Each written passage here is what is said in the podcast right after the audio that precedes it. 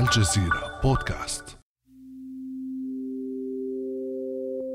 اشتقنا للروحة على المسجد ولما بيطلع الأذان. أنا اشتقنا إنه ما نسمع كلمة صلوا في رحالكم. يعني يعني هي كتير مأثرة فيني جد كتير.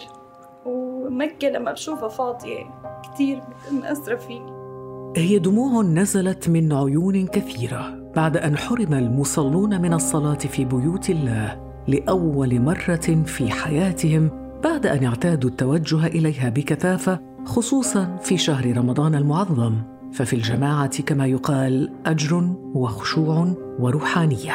فيروس كورونا بصراحة هو شبه طير فرحتنا السنة دي. إحنا كنا متعودين كل سنة نفرح فرحة كبيرة. السنة دي مش حاسين بدخلة رمضان علينا بسبب فيروس كورونا. ولم يكن المصلون وحدهم من وجدوا أنفسهم محرومين من التوجه إلى بيوت الله. إذ شاركهم الأئمة حزنهم وأسفهم على إغلاق المساجد. هذه السنة يعني افتقرنا إلى ذلك. حقيقة وجدنا في حزن في شيء من الفقد للمصلين لإخواننا المؤمنين الذين يصلون خلفنا في الصلوات. هذه السنة يعني سنة بتختلف عن كل السنين. سبحان الله قدر الله في هذا المرض إنه يبتلى هذا الناس ابتلاء. ولكن نسأل الله أنه الله يفك هذا الابتلاء. يعني هذا شيء بيخوف. يعني ما في صلاة يعني مصيبة. لما ما بيكون في صلاة ولا بيكون في عبادة التوجه إلى الله. يعني هينا صرنا نيجي نودي فطور لحارس المسجد ونلاقي المسجد فاضي ونروح. في هذه الأجواء طرحت أسئلة عديدة عن العبادات خارج بيوت الله في زمن التباعد الاجتماعي بسبب كورونا. مع تأكيد الإسلام على أهمية الجماعة في أداء الشعائر. ماذا عن البدائل الممكنة للحفاظ على روحانية الشهر الكريم؟ وهل تغيرت أولويات العبادات في هذه الظروف؟ بعد أمس من الجزيرة بودكاست أنا خديجة بن جنة.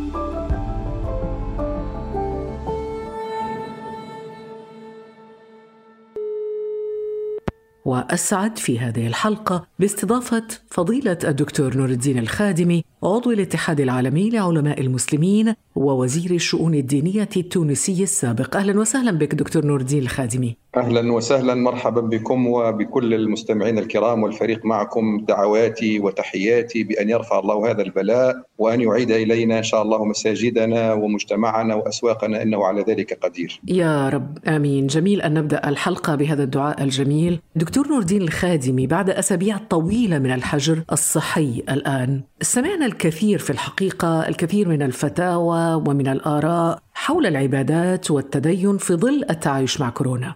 كيف نتعايش مع كورونا دينيا وهل سيغير كورونا أشكال التدين برأيك؟ كورونا كما قلت أستاذة خديجة أدت إلى فتاوى شرعية وبيانات دينية وممارسات جديدة. أنا أظن أن هذه الممارسات الجديدة ليست تغييرا لشكل الدين لأن الدين عزيمة ورخصة، الدين في المسجد وفي البيت وفي المجتمع. ومن أول الإسلام شرع الله سبحانه وتعالى الصلاة في البيوت صلاة التراويح وصلاة النافلة وشرع الصلوات المفروضة في المساجد. وشرع الجمعة في المسجد عند القدرة وشرع الجمعة في البيت ظهرا عند تعذرها في المسجد. فالأحكام اذا عزيمة ورخصة. وهذا موجود منذ بداية الإسلام وإلى أن يرث الله الأرض ومن عليها. فقد علقت الجماعة في المسجد لضرورة لحفظ النفس وللمراجعة ولحفظ النظام إلى آخره فليس هناك تغير هذه الأشكال، الأشكال كما هي بناء على أن الدين عزائم ورخص. وأنا أقدر شعور المسلمين وحزنهم وألمهم وحماسهم أنهم غادروا بيوت الله تعالى وغادروا مكة المكرمة لكنني أقول إن غادروا بيوت الله المساجد رجعوا إلى بيوت الله البيوت كما جاء ذلك في السنة النبوية. هل ستضعف الفردية تدين الناس برأيك؟ العبادات فردية وجماعية وهذا معروف في الدين الاسلامي والجماعة مثل الجمعة ومثل الحج ومثل الصيام. ونحن الان نصوم صياما جماعيا الأمة كلها صائمة مع وجود كورونا. ونصلي صلاة الجماعة في البيوت وهذا شكل من أشكال الجماعة. ونذكر الله جماعيا ونقرأ القرآن وندرس القرآن فضلا عن الأعمال الجماعية الأخرى التي هي الإغاثة، العمل الخيري، التطوير الطبي، البحث الاقتصادي، جهد الدولة، جهد المجتمع، جهد العلماء، هذا كله أعمال جماعية بصيغة ما من صيغ الجماعة. الذي تعطل من الأشكال الجماعية هو الصلاة في المساجد. هذا هو الذي تعطل. أو العمرة والحج في مكة. أو زيارة المسجد الأقصى. هذا تعطل لضرورة قصوى وهي حفظ أنفس الناس. لكن مع ذلك جعل الإسلام البديل. والبديل هو إقامة لشكل آخر من أشكال التدين بناء على البيان الشرعي قرآنا وسنة. دون أن يؤثر ذلك دكتور على مدى التزام أو درجة التزام الناس بالعبادات وبتعاليم الدين؟ من الناحية الشرعية لا يؤثر العمل صحيح والأجر ثابت بإذن الله تعالى بناء على البيان الشرعي لأننا في عبادة والعبادة أصلها البيان الشرعي والله قال اعبدوني في المساجد إذا كان الوضع قائما وممكنا واعبدوني في البيوت إذا كان ذلك غير قادر. يعني إذا كانت الجماعة في المسجد غير ممكنة. فالذي شرع الصلاة في المسجد هو الذي شرع الصلاة في البيت. ونفر من قدر الله إلى قدر الله من حكم العزيمة إلى حكم الرخصة. هذا هو حكم الله سبحانه وتعالى ببيان شرعي واضح. لا يعبد الشارع إلا بما شرع. بل الله فاعبد وكن من الشاكرين. هذا أمر مبدئي ديني واضح. وأنا أبشر المسلمين وأقول لهم بأن صلاتكم في بيوتكم صلاة التراويح وصلاة الجماعة وصلاة النافلة وقيام الليل في بيوتكم مع أهليكم بأجرها وفضلها إن شاء الله تعالى بل قد يكون فيها إضافة خير آخر على مستوى الصلة بالأسرة على مستوى التوعية حفظ السند. فهذه فضائل أخرى تنضاف إلى التعبد في البيوت بناء على الرخصة العامة وهذه الوضعية الضرورية بجائحة كورونا. دكتور نور الدين الخادمي في فترة الأزمات والأوبئة تنتعش أو تزداد التفسيرات الدينية لكل ظاهرة من الظواهر كما انتعشت الآن مثلا تفسيرات لهذا الوباء على أنه عقاب من الله سبحانه وتعالى للبشر ما تعليقك أنت؟ يكون تفسير الديني الإسلامي أتحدث تحديدا عن الإسلام يكون بناء على هذه الجائحة من جهتين ثنتين الجهة الأولى أنها قدر من الله سبحانه وتعالى. ما شاء الله كان وما لم يشأ لم يكن. فهي قدر من الله تعالى. ونبلوكم بالشر والخير فتنة وإلينا ترجعون. ومن جهة ثانية ما يتعلق بالإنسان. والإنسان هو الذي ابتلي بهذه الجائحة. فعليه أن يعاملها معاملة إنسانية. باختصاصات ومقتضيات بعلم ببحث بإجراءات صحية بإجراءات قانونية بمد تضامني بتناد عالمي أممي من أجل مجابهة هذا الوباء. هذا من جهة أولى. الجهة الثانية إذا نحن عللنا وفسرنا بأن هذه الجائحة هي انتقام أو إكرام أو ردع أو زجر أو ما شابه ذلك لابد أن يكون ذلك بناء على عدم التعيين بمعنى أن لا نقول إن الله انتقم من الصينيين مثلا أو انتقم من الكفار أو انتقم من المسلمين كلامك هذا دكتور نور الدين الخادمي يقودنا إلى الحديث عن كيف تعامل المسلمون في تاريخهم مع الأوبئة. يقول ابن خلدون في مقدمته: نزل بالعمراني شرقا وغربا في منتصف هذه المئة الثامنة الطاعون الجارف. فخربت الأمصار وخلت الديار والمنازل وضعفت الدول والقبائل. وذكر الحافظ ابن حجر أنه لما وقع وباء عظيم بمكة في أوائلها لم يصلي مع إمام المقام في تلك الأيام إلا اثنان. وأما بقية الأئمة فتركوا صلاة الجماعة بالحرم لعدم وجود من يصلي معهم. دكتور نور الدين الخادمي إذا هذه ليست المرة الأولى التي يتم فيها تعطيل صلاة الجماعة بالمساجد بل والآذان أيضا. كيف ترى تعامل المسلمين مع الأوبئة عبر التاريخ؟ تعامل المسلمون مع الأوبئة عبر التاريخ انطلاقا من قاعدة القدر الكوني والقدر الإنساني. القدر الكوني وهو السنن الكونية.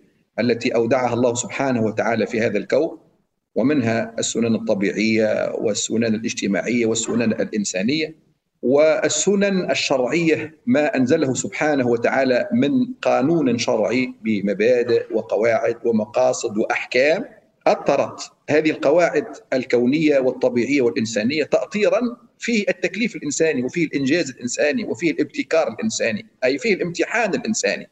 فالمسلمون والعلماء قديما عاملوا الأوبئة بهذه القواعد مجتمعة. لماذا اذا دكتور نرى مقاومة اليوم لدى الناس أو بعض الناس حتى نكون واقعيين، البعض يرفض هذه القرارات لدرجة أنه يعني بعضهم يذهب إلى إقامة مساجد سرية في البيوت أو على السطوح مثلا؟ هذا يشير إلى إشارات كثيرة، الإشارة الأولى أن هذه التصرفات القليلة الضئيلة أمام المشهد العام للأمة الإسلامية الذي اتحد فيه العلماء والمسلمون والحكام والمعنيون اتحدوا فيه جبهة واحدة ضمن الجهد العالمي لمجابهة هذا الوباء. أصوات قليلة فقهية وفكرية واجتماعية كانت على خلاف هذا المشهد العام. هذه الأصوات القليلة نحترمهم في أشخاصهم ونقدر هذا حقهم في التعبير على الأقل لكننا نقول بأنه مخالفة من أوجه كثيرة. الوجه الأول مخالفة للتاريخ والتاريخ جاءت فيه الأوبئة التي أدت إلى ترك الجماعات في المساجد والانتشار في الجبال ومخالفة أيضا لمنطوق الدين ومفهومه الذي يقول بالرخصة. وبالتخفيف والضرورة العامة والرخصة العامة. ويقول بانتقال المسلم من حكم العزيمة إلى حكم الرخصة من حكم الأصل إلى حكم الاستثناء. وأيضا مفهوم الدين في مقاصد حفظ النفس ومقاصد حفظ المجتمع وحفظ النظام العام.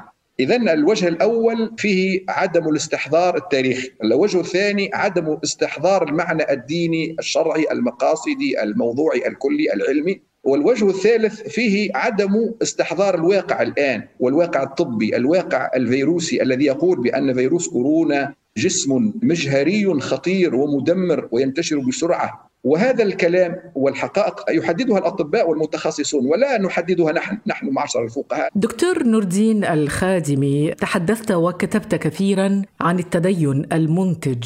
هل يمكن أن تشرح لنا اولا في البداية ما هو التدين المنتج وكيف يمكن أن يكون التدين منتجا في هذه الظروف بالذات؟ التدين المنتج التدين هو تمثل الإنسان للدين فهما وتطبيقا باختصار شديد. التدين المنتج في جائحة كورونا. وقبل هذا أقول الله سبحانه وتعالى يقول إن الذين آمنوا وعملوا الصالحات. الإيمان هنا ينتج العمل الصالح. الله تعالى يقول وقل اعملوا. قول ينتج عملا. قل آمنت بالله ثم استقم. يعني الصلاة تنتج الطمأنينة والسكينة. إن الصلاة تنهى عن الفحشاء والمنكر وأقيموا الصلاة بذكر كتب عليكم الصيام كما كتب على الذين من قبلكم. لعلكم تتقون. لعلكم تتقون هي إنتاج الصيام. لئلا يكون للناس عليه حجة بعد الرسل. ليشهدوا منافع لهم. خذ من أموالهم صدقة تطهرهم وتزكيهم بها. كل هذه الأحكام تؤدي إلى نتائجها إلى مقاصدها. في جائحة كورونا كيف التدين أنتج أنتج هذا التدين الوعي الصحيح بملازمة البيوت من أجل حفظ النفس ومعاونة الدولة والعالم على مجابهة هذا الوباء. أنتج أيضا التدين في البيت أنتج إحياء الأسرة إحياء البيت إعادة الثقة بين أبناء الأسرة. استعادة التربية والوعاء التربوي والمحضن التربوي العاطفي بين أبناء الأسرة الواحدة. إقامة هذه السنن داخل البيوت حتى لا تكون قبورا. نحن نعلم أن الأسرة تعرضت إلى تراجعات خطيرة بمقتضى العولمة وبمقتضى المادية المفرطة وانفكاك الأسرة. ولذلك تديننا لابد أن ينتج الحياة أن ينتج الصحة العامة أن ينتج الفتوى التي ترشد التي تعين الدولة في مجابهة الوباء. فتوانا الأخيرة مثلا واسمحي لي عن هذا التطويل حد قليل. فتوانا الأخيرة مثلا تحدثت عن تعجيل الزكاة قبل موعدها وتعجيل زكاة الفطر وتعجيل الصدقات. لماذا؟ لأن هذه الفتاوى ستنتج الإغاثة العاجلة وستنتج سد حاجيات كثير من الناس الذين تعطلت أعمالهم وسرحوا من وظائفهم وانخفضت أجورهم. فنتدخل نحن معشر الفقهاء بإجراءات في الفتوى في تعجيل الزكاة في إخراج مال قبل موعده في الزكاة في الصدقات في الهبات حتى في الأموال المشبوهة والأموال المجنبة فيما يعرف بصناديق الخيرات. كل هذه الفتاوى الاقتصادية التنموية اعتبرناها تسهم في تدينا منتجا بفتوى تنتج الحياة تنتج الغذاء وتنتج الدواء بإعطاء هذا المال لأصحابه. طيب دكتور نور الدين الخادمي ماذا عن الذين كانوا ينمون أداء فريضة الحج أو أداء العمرة في شهر رمضان الفضيل؟ ماذا تقول لهم؟ هؤلاء نقول لهم افعلوا ما هو بديل عن العمرة والبديل عن العمرة كل عمل صالح يتحدد في وقته وتتعلق به مصلحة شرعية معتبرة ويبنى على الرأي الشرعي الاجتهادي وعلى التكليف والتعبد الصحيح لا يبنى على الأهواء والأجواء. أنه سيذهب إلى عمرة ويقال إنه اعتمر وإنه حج. أقول لهؤلاء سواء في العمر أو في الحج أنفقوا أموال حجكم وعمرتكم أنفقوها على إغاثة ملهوف إعانة شاب أو شابة مداواة مريض سداد دين لغريم ولغارم ولمدين. ادفعوا هذه الأموال في تعزيز الصحة وفي تعزيز الخير وبناء الإنسان الشاب في معالجة مشكلات ضخمة العنوسة والطلاق والفقر والمجاعة والأوبئة وما إلى ذلك. ادفعوا هذا. الله سبحانه وتعالى سيكتب لكم الخير الكثير والثواب العظيم. أما أن يقتصر على وعي مبتور بعمره كل سنة ليقال إنه قد اعتمر ويفوت مصالح أخرى أولى. من بعض المعتمرين أنه يعتمر ويترك التلاميذ شهرا كاملا من غير دراسة والطبيب يترك المرضى من غير علاج. وولي الأمر الأب أو الأم يترك الأسرة ضائعة وبديون وأموال يحتاجونها في دراستهم ويحتاجونها في معاشهم وفي كهربيتهم وفي دوائهم وغير ذلك. وتصرف هذه الأموال يقال أنه اعتمر والعمرة هي واجبة مرة في السنة وربما هي سنة مؤكدة. والحج كذلك وهو بالاستطاعة. أقول لهؤلاء لا ترتهنكم عواطفكم مع التقدير لعاطفتكم. عليكم أن تلتزموا بالدليل الشرعي وبالمصلحة الشرعية وبما هو حق. والله تعالى يحب الحق ويهدي السبيل وهذا كله بكلام علمي وبتدين صحيح ينتج الإنسان الصالح الذي يجعل أموال الحج عند تعذره في نفقات أخرى ومسارات أخرى. ونختم أيضا بنصيحة منك فضيلة الشيخ دكتور نور الدين خصوصا وأننا نقترب من عيد الفطر كيف سيصلي الناس صلاة العيد صلة الرحم في هذا اليوم في ظل الحجر الصحي؟ كيف يحتفل الناس بالعيد بشكل عام؟ أولا بالنسبة إلى صلاة العيد نسأل الله بفضله وكرمه أن يأتي هذا العيد وقد زال هذا الوباء أو أخذ في زواله إن شاء الله. وأن تعود المساجد أو بعضها على الأقل حتى نصلي فيها بإذنه عز وجل. هذا أولا. إذا تعذر ذلك واستمر الوضع على ما هو عليه لا حرج في أن نصلي صلاة العيد في بيوتنا ومصلياتنا مع أخذ الإجراءات الصحية وهذا بفضله وأجره كما قلنا ولا حرج في ذلك. بالنسبة إلى التواصل مع الأقارب وصلة الرحم نقول بأن صلة الرحم هي في الوضع الراهن تكون عن بعد ولا حرج في ذلك. بالهاتف بالمحادثة التلفزية عن طريق التواصل الاجتماعي الحي المباشر. وفي الأعياد السابقة كنا نلوم على كثير من المسلمين الذين يقتصرون في التهنئة بالرسالة الواتسابية أو بالبريد أو الاس إلى آخره. وعندما نقول كثر خير التكنولوجيا. كثر خير التكنولوجيا.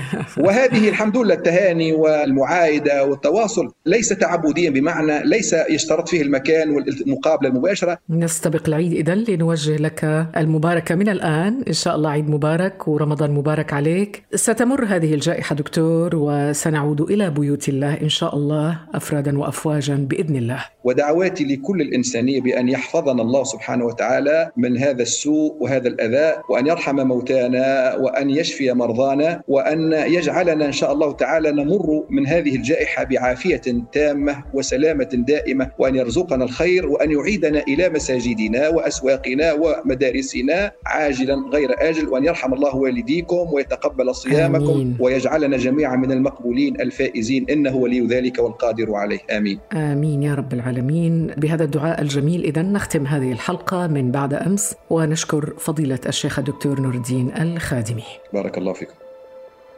كان هذا بعد أمس.